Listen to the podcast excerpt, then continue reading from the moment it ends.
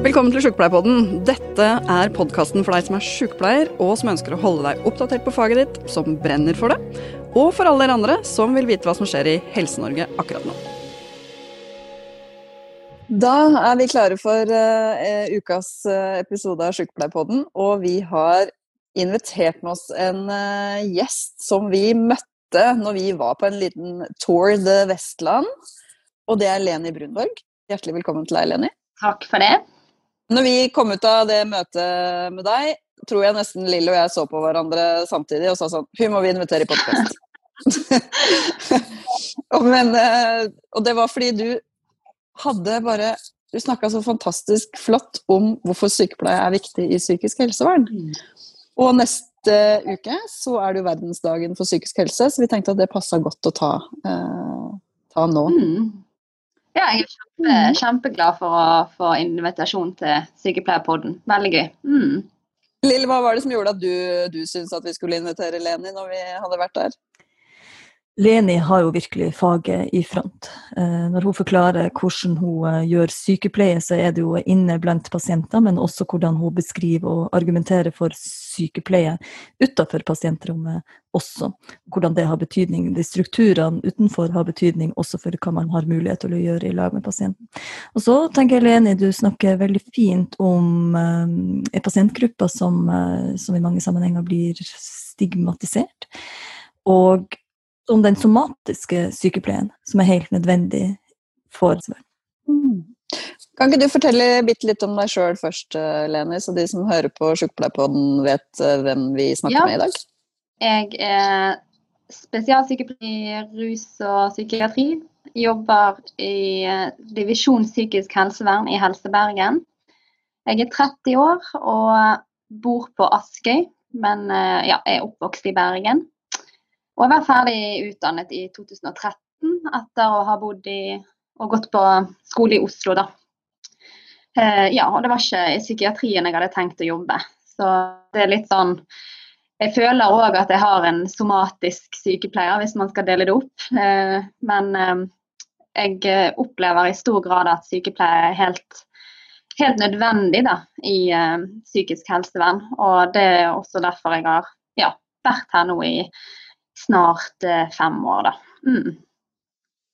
Fordi du begynte ikke karrieren din rett i psykisk helsevern, du var innom somatikken først? Ja, jeg var veldig interessert i å gå paramedic-utdanning og alt dette her med store sårskader og store tekniske utfordringer. Det var på en måte noe som appellerte veldig til meg etter å ha vært i førstegangstjenesten som medic. Um, men, og da begynte jeg også på Oslo legevakt en kort stund før jeg eh, tok eh, sjansen på å um, si ja til en tilbudt stilling som trainee-sykepleier i Helse Bergen. Som har vært et veldig bra opplegg for å rekruttere sykepleiere inn i hele stillinger. Eh, så Helse Bergen har ja, vært med å fronte. Um, og Da var jeg innom kreftomsorgen, og da ønsket jeg selvsagt å være palliativ sykepleier. Og ønsket å jobbe med kreftpasienter. Og var da innom lungeavdelingen etter det, eh, og vurderte å ta utdanning innenfor det.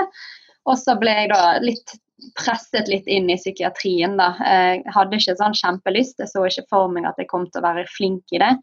Eh, men endte da med å være der, og har jobbet der siden 2015. Så spørsmålet om tvang, det er ikke bare til pasientene, det er du blir presset?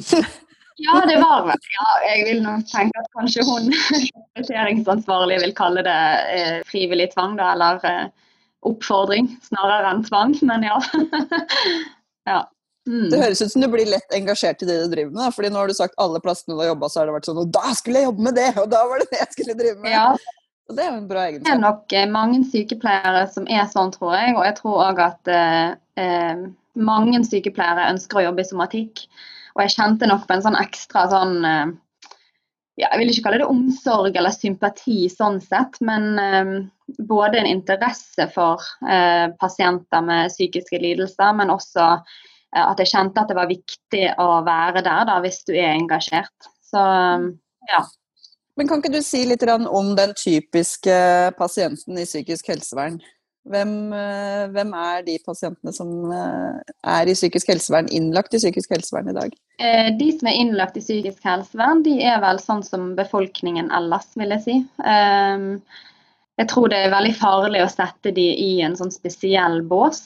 Um, men um, sånn ut ifra statistikker og det man kan, kan, lese seg til, så har jo vi en pasientgruppe som er relativt ung. Det er en liten økt andel av menn, og mange av de som er innlagt, er innlagt med psykoselidelser.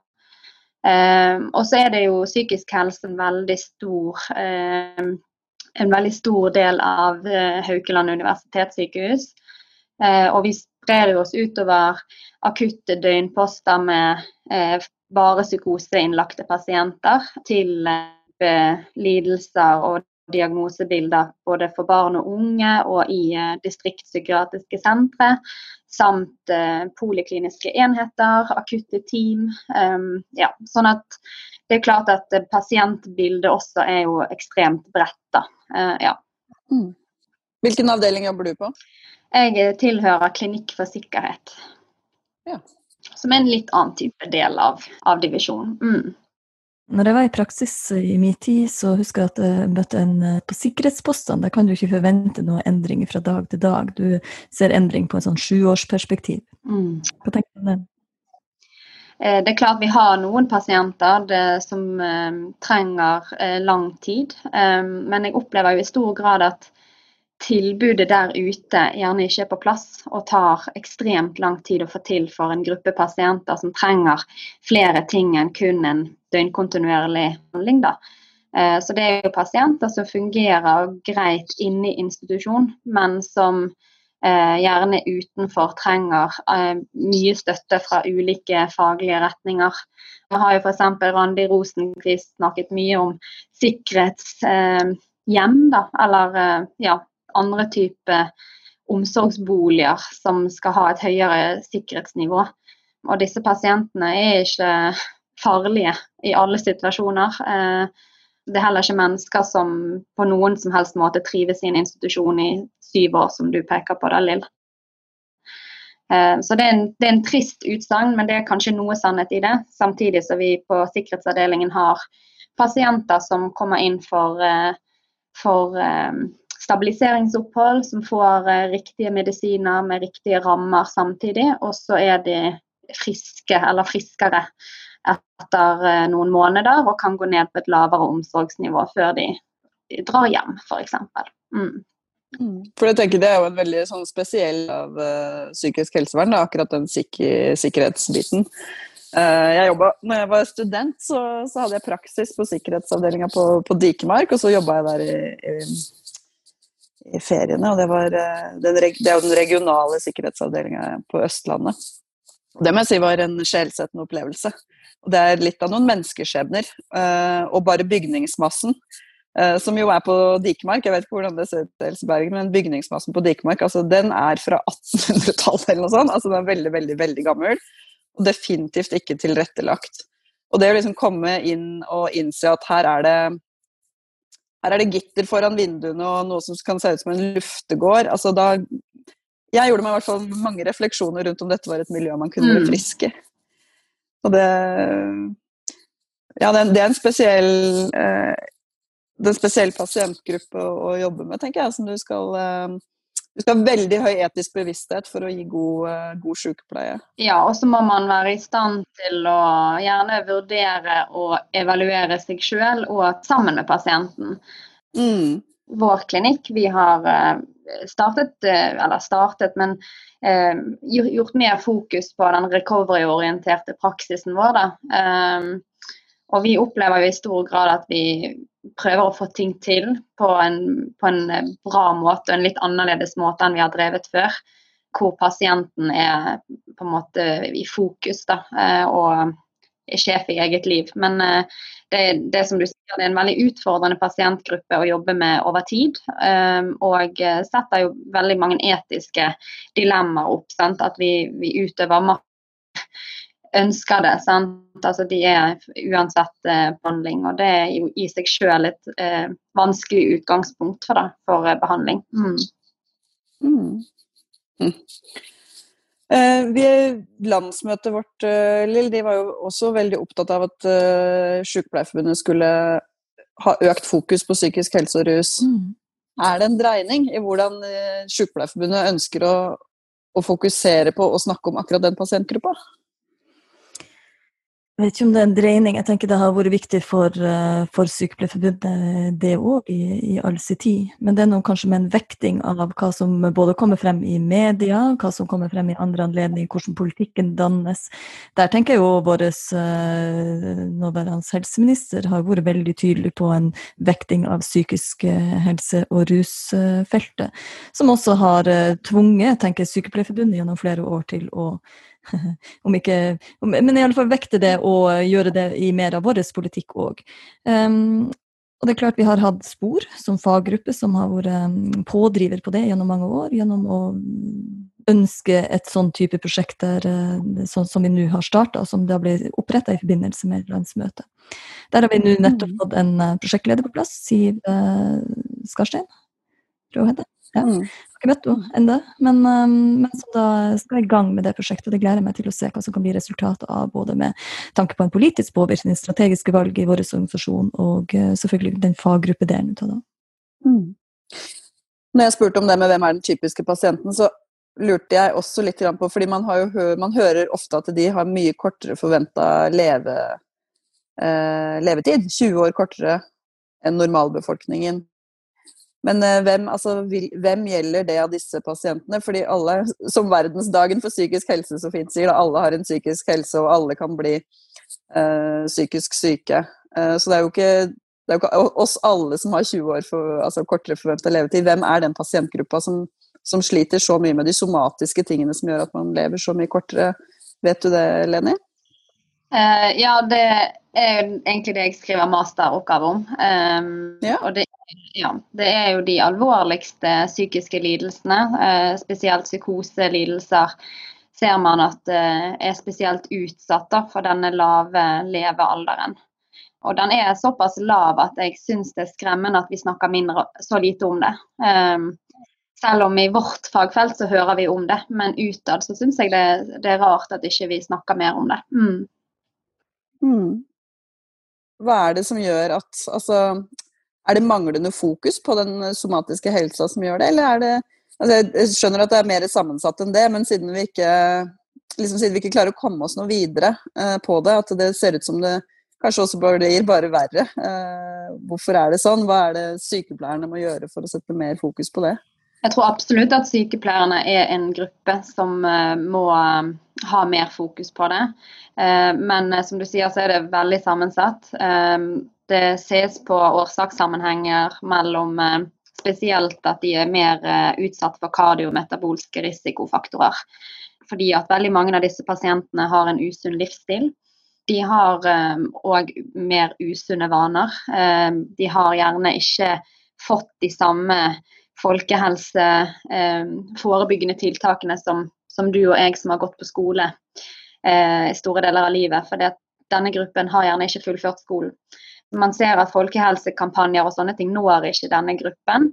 Um, og så er det dessverre en del undersøkelser som, eh, som, peker ganske tydelig på at denne gruppen ikke mottar likeverdige helsetjenester, ei heller samme kvalitet på helsehjelpen. Uh, og det er egentlig den mest urovekkende årsaksforholdet jeg har lest om når jeg har holdt på med denne masteroppgaven, det er at denne pasientgruppen faktisk ikke mottar lik kvalitet. Eh, og det går på både tid, eh, konsultasjoner de får, men òg hvilken behandling. Altså hvor mange medisiner de blir skrevet ut med osv. Med hvilken type forløp, planlagt behandling i ettertid de blir skrevet ut med. Eh, og Det er jo ganske urovekkende, og det gjelder jo òg et ansvar knyttet til sykepleierne som jobber i somatiske helsetjenester. Men så er det jo òg klart at vi har jo et psykisk helsevern som skal fokusere på den psykiske lidelsen. Og det er jo også der spisskompetansen ligger. Og derfor er det jo i de ulike helseforetakene i Norge klart at vi blir nødt til å forbedre eh, integrasjonen mellom både somatisk helsehjelp og psykisk helsehjelp, så vel som rusfeltet. Da. At vi må integrere de ulike retningene. Eh, og alle eh, i befolkningen har jo hørt dette her med å dette mellom to stoler. Og denne gruppen gjør det i altfor stor grad, og det er noe som vi må jobbe veldig mye med politisk. Men sånn på gulvet i den kliniske hverdagen, så tror jeg absolutt at vi burde i større grad utnyttet den kompetansen som er. For i psykisk helsevern så er mitt inntrykk at eh, i veldig stor grad er det legen som tar seg av det somatiske. Og vi tar ikke, den, eh, vi tar ikke så stort ansvar for det som vi gjerne gjør i somatikken som sykepleiere. da. Men det er jo noe med det, det, det, er helt riktig som du sier. og så tenker jeg Det er så mange, det er så komplekst og det er så mange ting som det gjøres, men at det må gjøres noe med dette feltet, det er jo soleklart. Og må, Når det er komplekst, så må man begynne å bryte det ned. Susanne synes han, Kai Øyvind Brenden sa noe fint her om dagen. Den der elefanten som blir så svær at man ikke klarer å ete den. Men hvis du tar og deler den i små biter, så, så, klarer man å gjøre noe med den etter hvert. Det må man gjøre her òg. Og noe er jo på det som går på oss som sykepleiere, å bruke vår sykepleierkompetanse, være veldig bevisst på hva ligger i sykepleierkompetansen. Hva er det vi har med oss som sykepleiere inn i et tverrfaglig team? Hvordan skal du eh, få det perspektivet lytta til og hørt til? Og Da er det selvfølgelig også somatikken i det. Det andre er jo strukturene på man driver på med miljøterapi. Hva er da som sagt sykepleier? Hvor stor plass får man? Får man ansvarsvakter? Får man den Det, er jo tilfeller ikke sant, der eh, sykepleieren blir satt til å være, stå på et kontor, altså på Nav for den saks skyld, mens det er sosionomen som er inne med sårstell Eh, eller gjør, gjør denne type arbeid. Det går ikke an. Man er nødt å argumentere for hvorfor sykepleieren skal gjøre sykepleieroppgaver også innenfor psykisk helse. Og en av de tredje delene med det handler også om det med en kontinuitet. Altså at man har struktur som sørger for at du har en, en primærsykepleier eh, innenfor psykisk helse. En som følger, følger opp over en lengre periode. Eh, og også jeg elsker de her FACT-teamene, altså dem som kan gå imellom kommune, eh, altså kommunehelsetjenesten og, eh, og, spesialisthelsetjenesten. Nettopp for å kunne følge dem imellom. For per i dag så er det jo også sånn at i psykisk helsevern så blir det time. De kommer inn, og uh, allerede med dagen de er innlagt i psykose, så er det begynt å planlegges for hvordan de skal ut igjen til en kommunehelse- og omsorgstjeneste som er underbemanna, ikke har eh, kompetanse nok på feltet og der vi vet at her gruppene er dem som blir nedprioritert. Det er jo en del av den sånne grimme sannheten i det. Ja, absolutt. Og så har vi, dette snakka, Jeg snakka så vidt med Leni på telefonen i går, og da sa du noe om at man, man, skal liksom ikke snakke så høyt om den ulike profesjonskompetanse, fordi alle er en del av det, altså miljøpersonalet. At det er en sånn det er en, på mange måter det er sånn man har begynt å jobbe i psykisk helsevern, og at du ønsker å utfordre det litt. Og det mm. syns jeg også når du var i Bergen, at du snakka veldig fint om at ja, men vi som sykepleiere må si hva, hvorfor er vår sykepleierkompetanse viktig. Og vi skal selvfølgelig jobbe tverrfaglig, men det er ikke det samme som at vi skal gjøre det samme. Mm.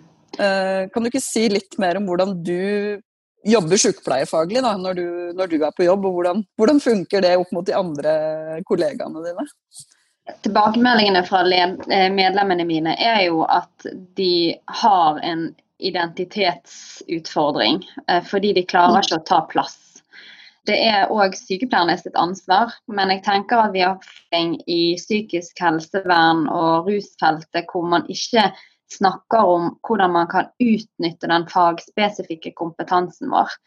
Um, da har vi en underkommunisert kompetanse som vi ikke benytter godt nok, tror jeg. Uh, I det tverrfaglige teamet så skulle jeg ønske at det var slik at sykepleiere sa det at jeg har undersøkt dette, eh, og som sykepleier så ser jeg viktigheten av at vi gjør dette. Men det er ikke sånn vi jobber, eh, dessverre. Veldig mange så har ulike faggrupper helt det samme ansvaret, både medisinsk, somatisk altså, og psykisk. Og sykepleierne bruker ikke det samme fundamentet som de er opplært til å gjøre når de utdanner seg. Eh, samtidig er det mange steder man gjør dette, spesielt i poliklinikker så er jo sykepleierne veldig sentrale. Um, og vi fikk jo en veldig stor, omfattende rapport fra Sintef, eh, jeg tror det var i fjor eller året før, eh, om sykepleierne sin rolle. Og Der var det jo tydelig at en del plasser så er jo sykepleierne en veldig tydelig aktør men at man har denne her profesjonskampen som en sånn frykt. Og det syns jeg er så dumt, fordi at man bør jo kunne snakke om hvordan man kan tilby pasienten best mulig behandling ved å utnytte hverandres kompetanse.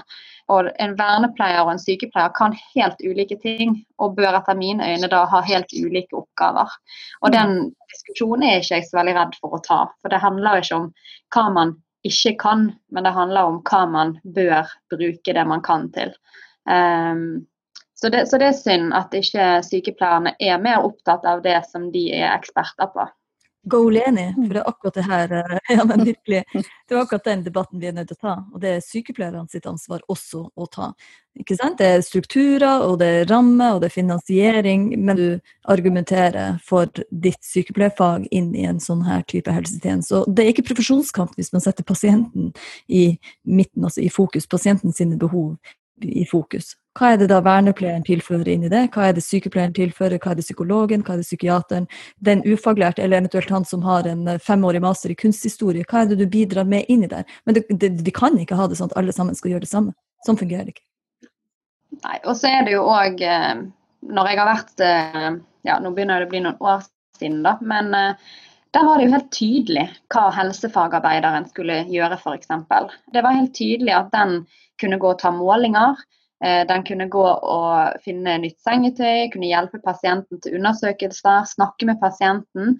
Men hvis du hadde en pasient med cytostatikabehandling eller intravenøs infusjon, avansert ernæringsproblematikk, så var det ikke helsefagarbeideren som gikk inn, det var sykepleieren. Og sykepleieren bidro på sin måte, sånn at legen kunne gjøre det han kunne gjøre. Mens i psykiatrien så er det ikke sånn. Det er ikke definert hvem som skal gjøre hva. Veldig mange steder, det er ikke alle steder da, men veldig mange steder er det dessverre sånn at det ikke er definerte roller. Ja, sykepleierne må òg gjøre noe med det, vi må gjøre noe politisk. Men i postene så mangler det fagfokus. Det mangler fagutviklingssykepleiere, som er en selvfølge i somatikk. Det har vi ikke i psykiatrien omtrent. Og det mangler ledelse som kan se på disse tingene her. Eh, og vi teller hoder, vi teller ikke kompetanse. Og den problematikken har vi ikke i somatikken. fordi at der er det såpass mange med høy kompetanse innenfor spissfagfeltet at der har ikke man de diskusjonene. Så vi har heller ikke eldre, et eldre eh, felt å se til. Eh, og jeg tror at, vi, at, at i psykisk helsevern så er det dessverre sånn at at eh, alle er like mye verdt, og vi snakker mye om at vi kan bidra med det samme. Eh, og man er litt redd for å si at nei, det kan vi ikke. Og jeg kan ikke vernepleie. Jeg er ikke utdannet vernepleier, jeg er ikke utdannet sosionom. Jeg kan veldig lite om Nav. Jeg kan veldig lite om de tjenestene pasientene kan motta i kommunen, eh, som går på f.eks. Nav og trygd og disse tingene her. Men jeg kan se på bivirkninger. Jeg kan oppdage forverring av somatisk og psykisk sykdom. Jeg kan være opptatt av eksistensielle behov eh, og nedsatt psykisk funksjon. Disse tingene kan jeg. Jeg kan oppdage det, jeg kan dokumentere det og jeg kan sette i verk tiltak. Men dette må vi tørre som sykepleiere å gjøre noe med. Vi må tørre å ta plass sykepleierfaglig. Og vi må ikke gi oss på at andre skal gjøre vår jobb. Og Spesielt i den tiden vi går i møte med oppgavedeling og utvikling i samfunnet som vil gjøre at vi får enda mindre helsepersonell, så tenker jeg at det er enda viktigere å snakke tydelig om roller. For hva skal egentlig en sykepleier gjøre i psykisk helsevern? Mm. Men når du løfter denne debatten, eh, enten på liksom arbeidsplassen din eller på, opp på direktørnivå. Du sitter jo som hovedtillitsvalgt også. Hvordan, eh, hva er responsen? Hvordan forholder altså Spesielt én ting er våre medlemmer, men hvordan forholder de andre seg også? Hva sier eh, legene og vernepleierne og de andre profesjonene til, til den, den, innfallsporten eh, som du har der? Jeg tror det er veldig mange som er enig. Jeg tror mm. at uh, veldig mange uh, har samme opplevelse, at vi kunne gjort dette bedre. Um, lederne er kanskje opptatt av å finne ut uh, hvor man har mest kompetanse, hvor man har minst kompetanse. Vi snakker en del om ufaglærte. Ehm, men sånn i kollegialt når vi snakker sammen med andre faggrupper, erfarer jo jeg og mine medlemmer at, eh, at det kan bli litt lett krenkelser av å snakke om dette. Da. Og det går jo gjerne òg på at de andre faggruppene som vi jobber sammen med, er veldig unge fag. Sykepleiere har jo en veldig fundament, både teoretisk og faglig. Eh, vi har eh, Sykepleierforbundet, som på en måte kun representerer sykepleiere. Eh, mens eh, de gjerne på en måte eh, hva skal jeg si, sterke utdanningsinstitusjoner som på en måte kjemper deres sak. da. Eh, for de har, noe, de har ikke noe forbund som kun sikter for vernepleiere, f.eks. Um, samtidig så tror jeg òg at eh, vernepleiere spesielt er jo ung, et ungt fag i psykisk helsevern. Uh, vernepleierutdanningen retter jo seg i hovedsak i altså boligfeltet psykisk utviklingshemmede og sånne ting. Men jeg ser jo absolutt verdien av å ha vernepleiere hos oss. Uh, noen av de flinkeste kollegaene mine er vernepleiere, og de har god relasjonskompetanse på lik linje som sykepleiere har. Eh, og de kan òg veldig mye i den rehabiliterende fasen, hvor jeg tenker at bidraget deres er størst. Eh, men jeg, eh, jeg syns det er trist at ikke vi klarer å snakke fornuftig om dette med roller. Da. Og jeg kunne ønske jeg tørde det mer på min egen arbeidsplass, men jeg opplever jo i veldig stor grad at, at det er noen sterke personligheter som ofte, ja, som ofte tilbakemelder som gjør at ikke du helt tør å ta kampen, da. Men også der så tenker jeg at vi som vernepleier og sykepleier så har vi jo ulike um, teorier vi spiller tilbake på som vi har lært. ikke sant? Vi har en uh, omsorgsteori som en omsorgsfilosofi som vi har med oss. Omsorgsfelt, vi har uh, paternalistisk uh, sykepleier, unnlatelsessynd, altså de her type begrepene. Og samtidig som vi har um, salutogenese, altså um, mestringsteorier, håp, mye av det. Mens vernepleiere har kanskje mer som er knytta inn mot uh, atferdsterapi, uh, atferdslæring. Uh, den type som nettopp er knytta inn mot psykisk utviklingshemma feltet. Så det er noen ting med at man, Når man da jobber i samme felt, uansett om det er på sykehjem eller om det er for psykisk helse, så er det noe man å ha med seg at selv om man er flink på kommunikasjon og relasjon, bygging, relasjonsbygging, så er det likevel ikke samme det er ikke samme filosofi, det er ikke samme bakgrunn man har med seg inn fra de to ulike utdanningene uansett. Man har et ulikt perspektiv også på det. Ja da, det har man. Lill, du var jo så vidt inne på det, om man begynner å planlegge utskrivningen idet de kommer inn. Fordi eh, man skal være i kommunen. Man skal leve i kommunen.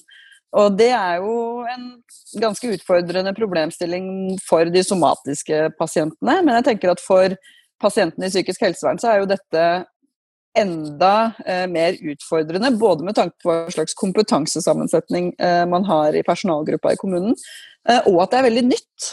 Altså Jeg tenker sånn, jeg har stort sett jobba i somatikken og også i kommunen, og de gangene man får en pasient som har behov for eh, selvfølgelig somatisk oppfølging, men kanskje først og fremst oppfølging eh, knytta til sine psykisk helse, så blir eh, sykepleierne, sykepleierne blir litt sånn eh, bekymra. De blir litt redde. De føler at dette er ikke kompetanse til å møte disse pasientene.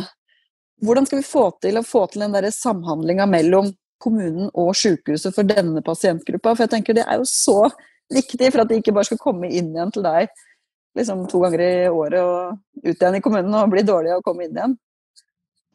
Ja, det er kjempeutfordrende, tror jeg. Eh, jeg kjenner meg veldig godt igjen når du beskriver dette her med at man kan grue seg litt, eller man føler veldig at man mangler kompetanse. da.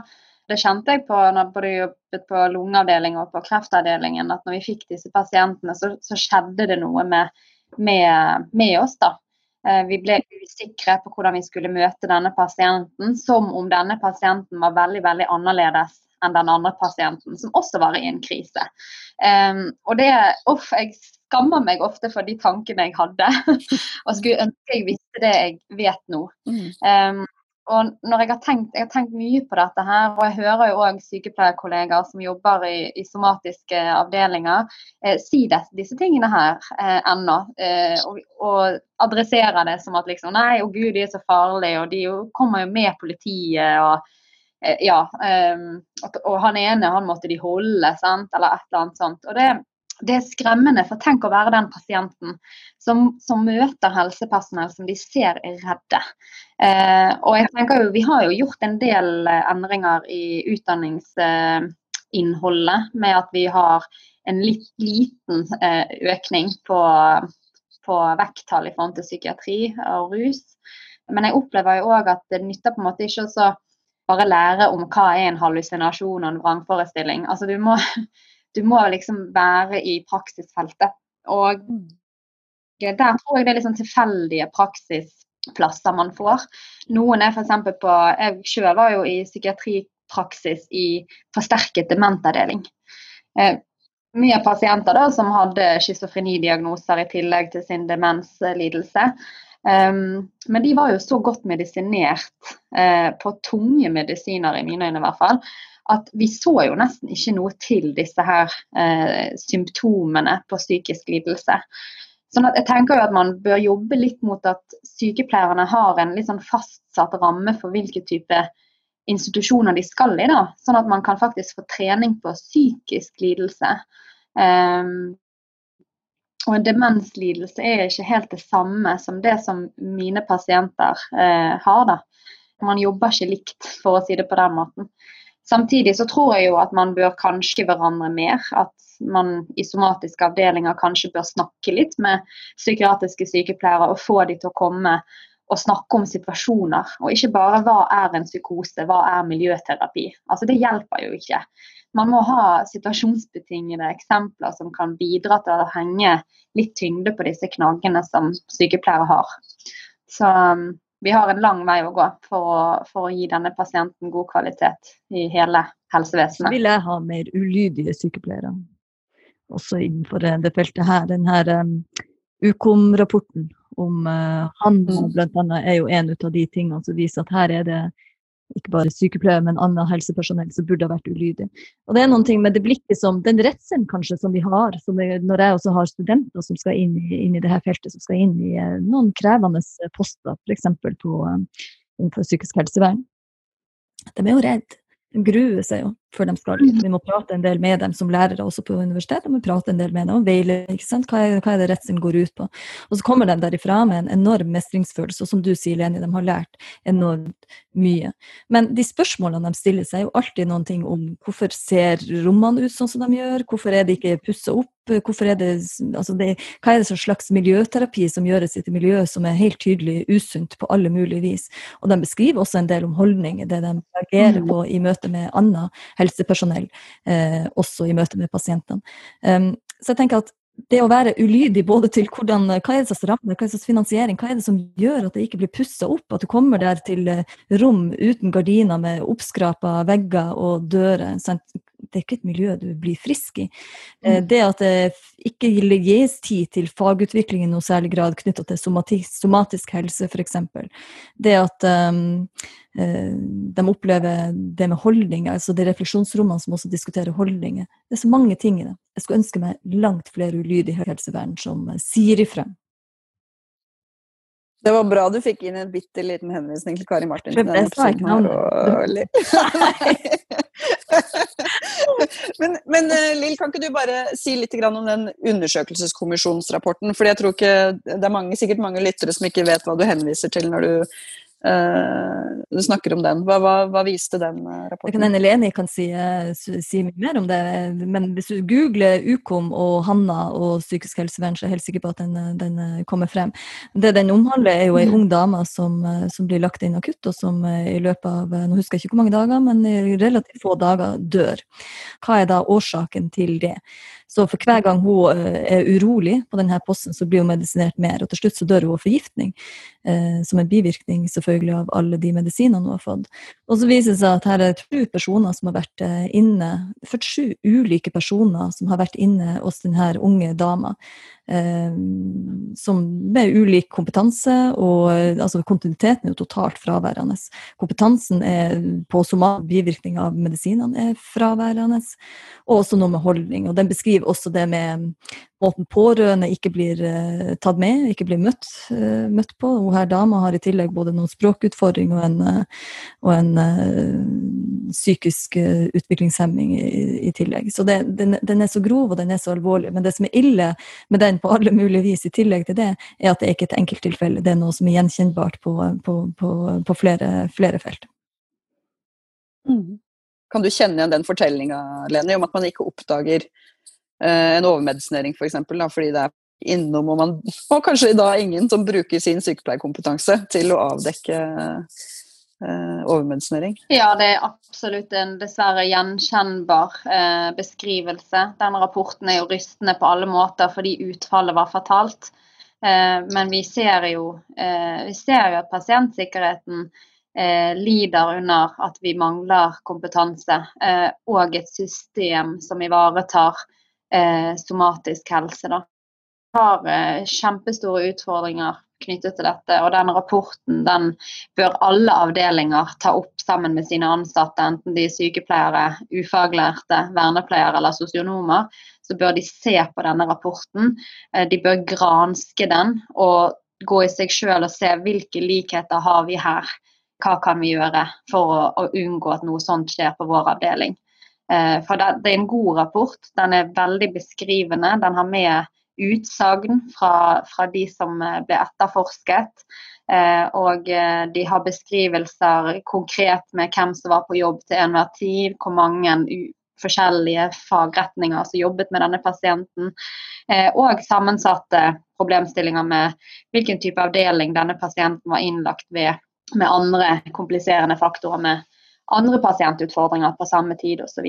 Og så ikke minst det som Lill sier noe om det med pårørendearbeid. Eh, det er jo i hvert fall i vår divisjon et mål i seg selv å bli flinkere på. Um, men der har vi en lang vei. og det er jo noe jeg savner som sykepleier eh, når jeg jobber nå i psykisk helsevern. For pårørende har stor hverdag som sykepleier i somatisk døgnavdeling. Da var pårørende en stor del av hverdagen, og vi tok mange avgjørelser sjøl eh, som sykepleiere knyttet til pårørendearbeid. Men, men den delen ser jeg ikke like mye av eh, hos oss, da. Hvorfor ikke? Det kan være ganske komplisert tror jeg, å beskrive bare et raskt svar på det. Men eh, det handler jo ofte om at denne pasientgruppen ikke har mange pårørende. Eh, de kan ha brent en del broer. Eh, men jeg opplever òg at de som har pårørende som ønsker å bidra, der tror jeg kanskje vi er bedre. Men på hvilken måte vi bruker pårørende Altså vi har etiske utfordringer knyttet til dette med taushetsplikt, og kanskje pasienten ikke ønsker. Eh, ja, men jeg, jeg, tror at det er mye mer åpent å kunne snakke om, om såret på leggsåret til bestemor eh, og diabetesen til onkel enn en den tunge psykiatriske lidelsen til min sønn, f.eks. Uh, mm.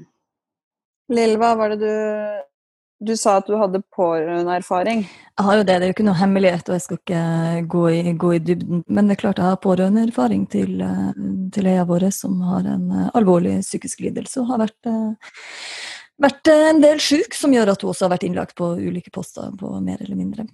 Men i den de erfaringen som som er helt, helt annerledes å være pårørende til noen innenfor psykisk helsevern enn å være pårørende innenfor somatisk helse. Enorm forskjell. Og det er vanskelig faktisk for meg å forstå hvorfor det er sånn, hvordan man møtes, hvordan man blir tatt med på og informert. Det er ikke bare det med man forstår taushetsplikt uansett, men, men det er en sånn bare som et eksempel. Jeg skulle på besøk eh, på posten som, som hun var innlagt en gang, og ble stoppa av ei dame som jobba der, som kom og røska tak i veska mi. Altså, og så spør jeg eh, OK, hva skjer? Og hun sier ja, de må få beskjed om at de er nødt til å eh, visitere meg før jeg kom inn. For det var ikke godt å si hva jeg kunne finne på å ha med meg inn til, inn til dattera mi her. Nå er det jo sånn at jeg er stemor, hun har ei mor fra før som også um, har sine problemer. Så jeg skjønte jo etter hvert at de tok feil av meg og, og den biologiske mora. Men det sier noen ting om noen holdninger. Tenk deg å oppleve det i en somatisk helsesituasjon, at du kommer inn til noen som er operert for et eller annet, så skal du altså kroppsvisitere inviteres før du får lov å komme inn på besøk uten noe særlig informasjon og uten noe særlig um, særlig uh, altså, det, det, er noen holdninger også som er skrekkelig. Og det, det, er liksom bare ett av flere eksempel på, um, på, det som ikke fungerer. Også der når vi tar opp det med somatisk helse gang på gang på gang. Og da har jeg mange ganger tenkt at hvordan er det for de som er syke, som ikke har pårørende som står på for dem, både med tanke på tvangssituasjoner og somatisk helse, ernæringssituasjon når du går voldsomt ned i vekt, brudd som ikke blir oppdaga. Altså det er så mange sånne typer eksempler. Og så har vi de her, uh, igjen de her teamene som fungerer veldig godt, og de fagpersonene som igjen, noen ildsjeler antagelig, uh, også på dugnad, som ringer hjem og uten å bryte taushetsplikten kan forklare noen ting om situasjonen og kan si at jeg så at dere hadde det tøft i dag på besøk. Eh, bare skal si litt generelt om hvordan sykdomsbildet er for den eh, lignende pasienten, sant? uten å bryte taushetsplikt. Enorm ja. forskjell. Men der tror jeg òg igjen det er en veldig stor forskjell på somatikk, fordi at man i stor grad eh, har primærsykepleie i somatikken. Og man har en tilegnet ansvarsfunksjon rettet mot pasientene i veldig stor grad. Eh, mens man i psykisk helsevern har mange ulike faggrupper. Eh, noen ufaglærte som jobber rundt eh, pasienten. og eh, sånn som Ukom-rapporten om Hanna også, eh, at det er veldig mange ulike profesjoner eh, og at det kan være vanskelig kanskje å adressere hvem som skal ha et pårørendeansvar. og Derfor blir ofte gjerne lege eller ledere de som tar en sånn dialog, da. Eh, og den kommer kanskje litt seint også. Eh, og jeg kjenner igjen det du sier òg, med, med, at, at pårørende på en måte kan bli kroppsvisitert, og at disse holdningene da, knyttet til farligheten, kanskje, eller skrekkscenarioer, er i fokus istedenfor hva, hva pårørende kan bidra med. Mm. Da er du inne på det, det altså både gjelder struktur og så er det noe med kompetanse. og Der syns jeg faggruppa SPOR, altså um, psykisk helse og rus eh, i NSF, har vært veldig bra på å få frem behovet for en eh, styrka sykepleierkompetanse innenfor psykisk helse og rusfeltet som da har òg vært med på å få frem den her Vi begynte jo med 30 studiepoeng eh, innenfor fordypning, altså i en eh, videreutdanning. Psykisk helse måtte ha en 30, 30 studiepoengs fordypning i, i sykepleie, men som nå da har utvikla seg til å bli den avanserte kliniske sykepleieren på psykisk helse og rusfeltet. Og det, den kompetansen tror jeg kommer til å være helt, helt essensiell i årene fremover innenfor vårt felt. Det er jo sånn at, altså, jeg sitter og tenker på Du sa jo også tidlig under, når vi snakka sammen nå, Leni, at likeverdige helsetjenester er en kjempeutfordring for denne gruppa. Uh, fordi de kanskje ikke klarer å Kanskje ikke vet, og kanskje ikke klarer å uh, beskrive selv hva som er deres behov. Men det du òg sier, Lill, det sier noe Det, sier, det er så sterkt å liksom høre hvor Tenk på de som ikke har de pårørende, da. Altså, og de er det jo veldig mange av, som kanskje har brent de broene, eller de ikke har de pårørende som kan kjempe for dem. Og da, da tenker jeg alltid, hvem er det som kjemper uh, kjemper for de, hvis sykepleierne ikke skal gjøre det. Ehm, og det, da blir den rollen vi har som pasientens advokat, eller de som faktisk skal sikre da, at uh, de mest sårbare pasientene, eller de, disse, denne pasientgruppa, også får likeverdige helsetjenester, at de får respektfull informasjon, at de, at de Det handler jo rett og slett om å bli behandla menneskelig, uh, både for pasienter og for de pårørende. Og så tror jeg det er mye skam inne i bildet her. Skam er liksom Det er jo den av de sterkeste menneskelige følelsene vi mm. har. Men det er bare Det blir så åpenbart for meg at skammen knytta til psykiske lidelser, både for de som har det og, og, de som er pårørende til det, de ødelegger så mye for måten vi snakker om det på, og måten vi eh, behandler eh, disse menneskene på. Da. Mm. Og så er det jo akkurat de her menneskene, det er jo meg og deg og alle i en eller annen anledning kan råke borti en, en, en, en sånn type sykdom også. Ja. Eh, vi hadde jo en podkast ganske tidlig med Ingeborg eh, Senneset eh, også som, eh, som, jeg anbefaler dere å høre på igjen, hvis, eh, som også sier noen ting om hvordan man møtes, som meg og deg. Det er jo oss, de her pasientgruppene. Det er også oss. Og det med pasientens advokat, jeg, jeg, har jo sagt det før, det med Rune, da, mannen min, som har en uh, kompis som jeg i uh, pene klær og fine sko og dyr klokke i det hele tatt når han skal i møter, som han sier at det skal ikke være noe tvil om hvem som er advokaten i rommet. Jeg vil ha pasientens advokat, sykepleieren som pasientens advokat. Det skal ikke være noe tvil om hvem som er pasientens advokat, hvem som er sykepleieren i rommet. Det ønsker jeg. Mm. For en fin uh, oppfordring helt på slutten, og det syns jeg du, du, er en veldig god pasientens advokat, uh, Leni. Både gjennom uh, det at du velger å ha mer utdannelse i det, skrive om det i masteroppgaven din, og i at du er tillitsvalgt, at du snakker høyt om sykepleie i psykisk helsevern, og at du jobber liksom pasientnært. Så det, vi er veldig takknemlige for at vi har sånne tydelige fagstemmer kjekt å høre. Man må leve opp til det idealet også, da. Eh, det, jo, det gir jo seg noen utfordringer om å leve opp til et sånt ideal som det du presenterer, da. No pressure. Nei ja. Men for sykepleierne der ute, så vel som for meg, da. Eh, at, at det er det er av og til vanskelig å ha en praksis som er så nær idealet ditt. Eh, sånn at der har vi det spenningsrom. Du kan spørre deg om én ting. Du skal sikkert begynne med en slags avrunding. Men opplever du altså, for pasientene sin del, det har vært en sånn diskusjon. Bør, for det første bør, eh, bør ansatte innenfor psykisk helsevern ha, ha uniform? Eller skal man ikke ha uniform? Og bør det også tydeliggjøre på f.eks. et skilt om hvem som er sykepleier, hvem som er vernepleier osv. Um, jeg har diskutert det her med, med, en del også blant pasientene, og der, der, noen av dem har sagt noe om at jeg skulle ønske at jeg visste hvem som var sykepleier, sånn at jeg faktisk kunne sagt om at ja, men jeg plages med urinveisinfeksjon. Altså, hvem er det jeg kan snakke med om de forskjellige tingene? Hva tenker du, Lene? Jeg tenker at uh, rollene bør være tydelige for pasienten. Uh, der jeg selv vært oppe i mange situasjoner hvor pasienter har, har spurt eller sagt jeg eh, vil snakke med en sykepleier. Og så har de hatt f.eks. da underlivsplager eh, som de ønsker å snakke med en sykepleier om. Og akkurat rollene tenker jeg er veldig veldig viktig. Der er nok klar tale, og der tror jeg at veldig mange plasser har de begynt med skilt.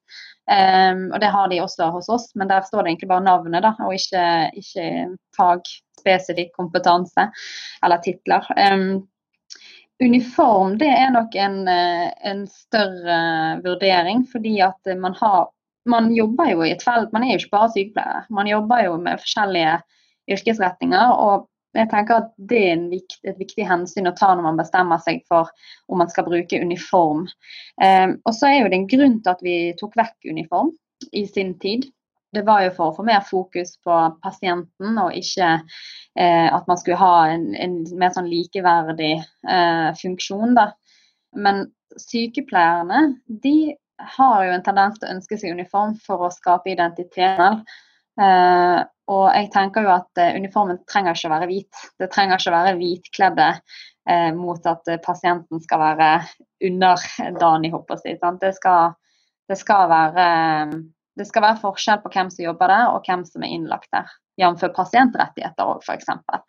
Men akkurat det med å belyse roller, det syns jeg er viktigere enn selve uniformen. Det at pasientene vet hvem de snakker til, og hvilken fagutdanning om de eh, Ja.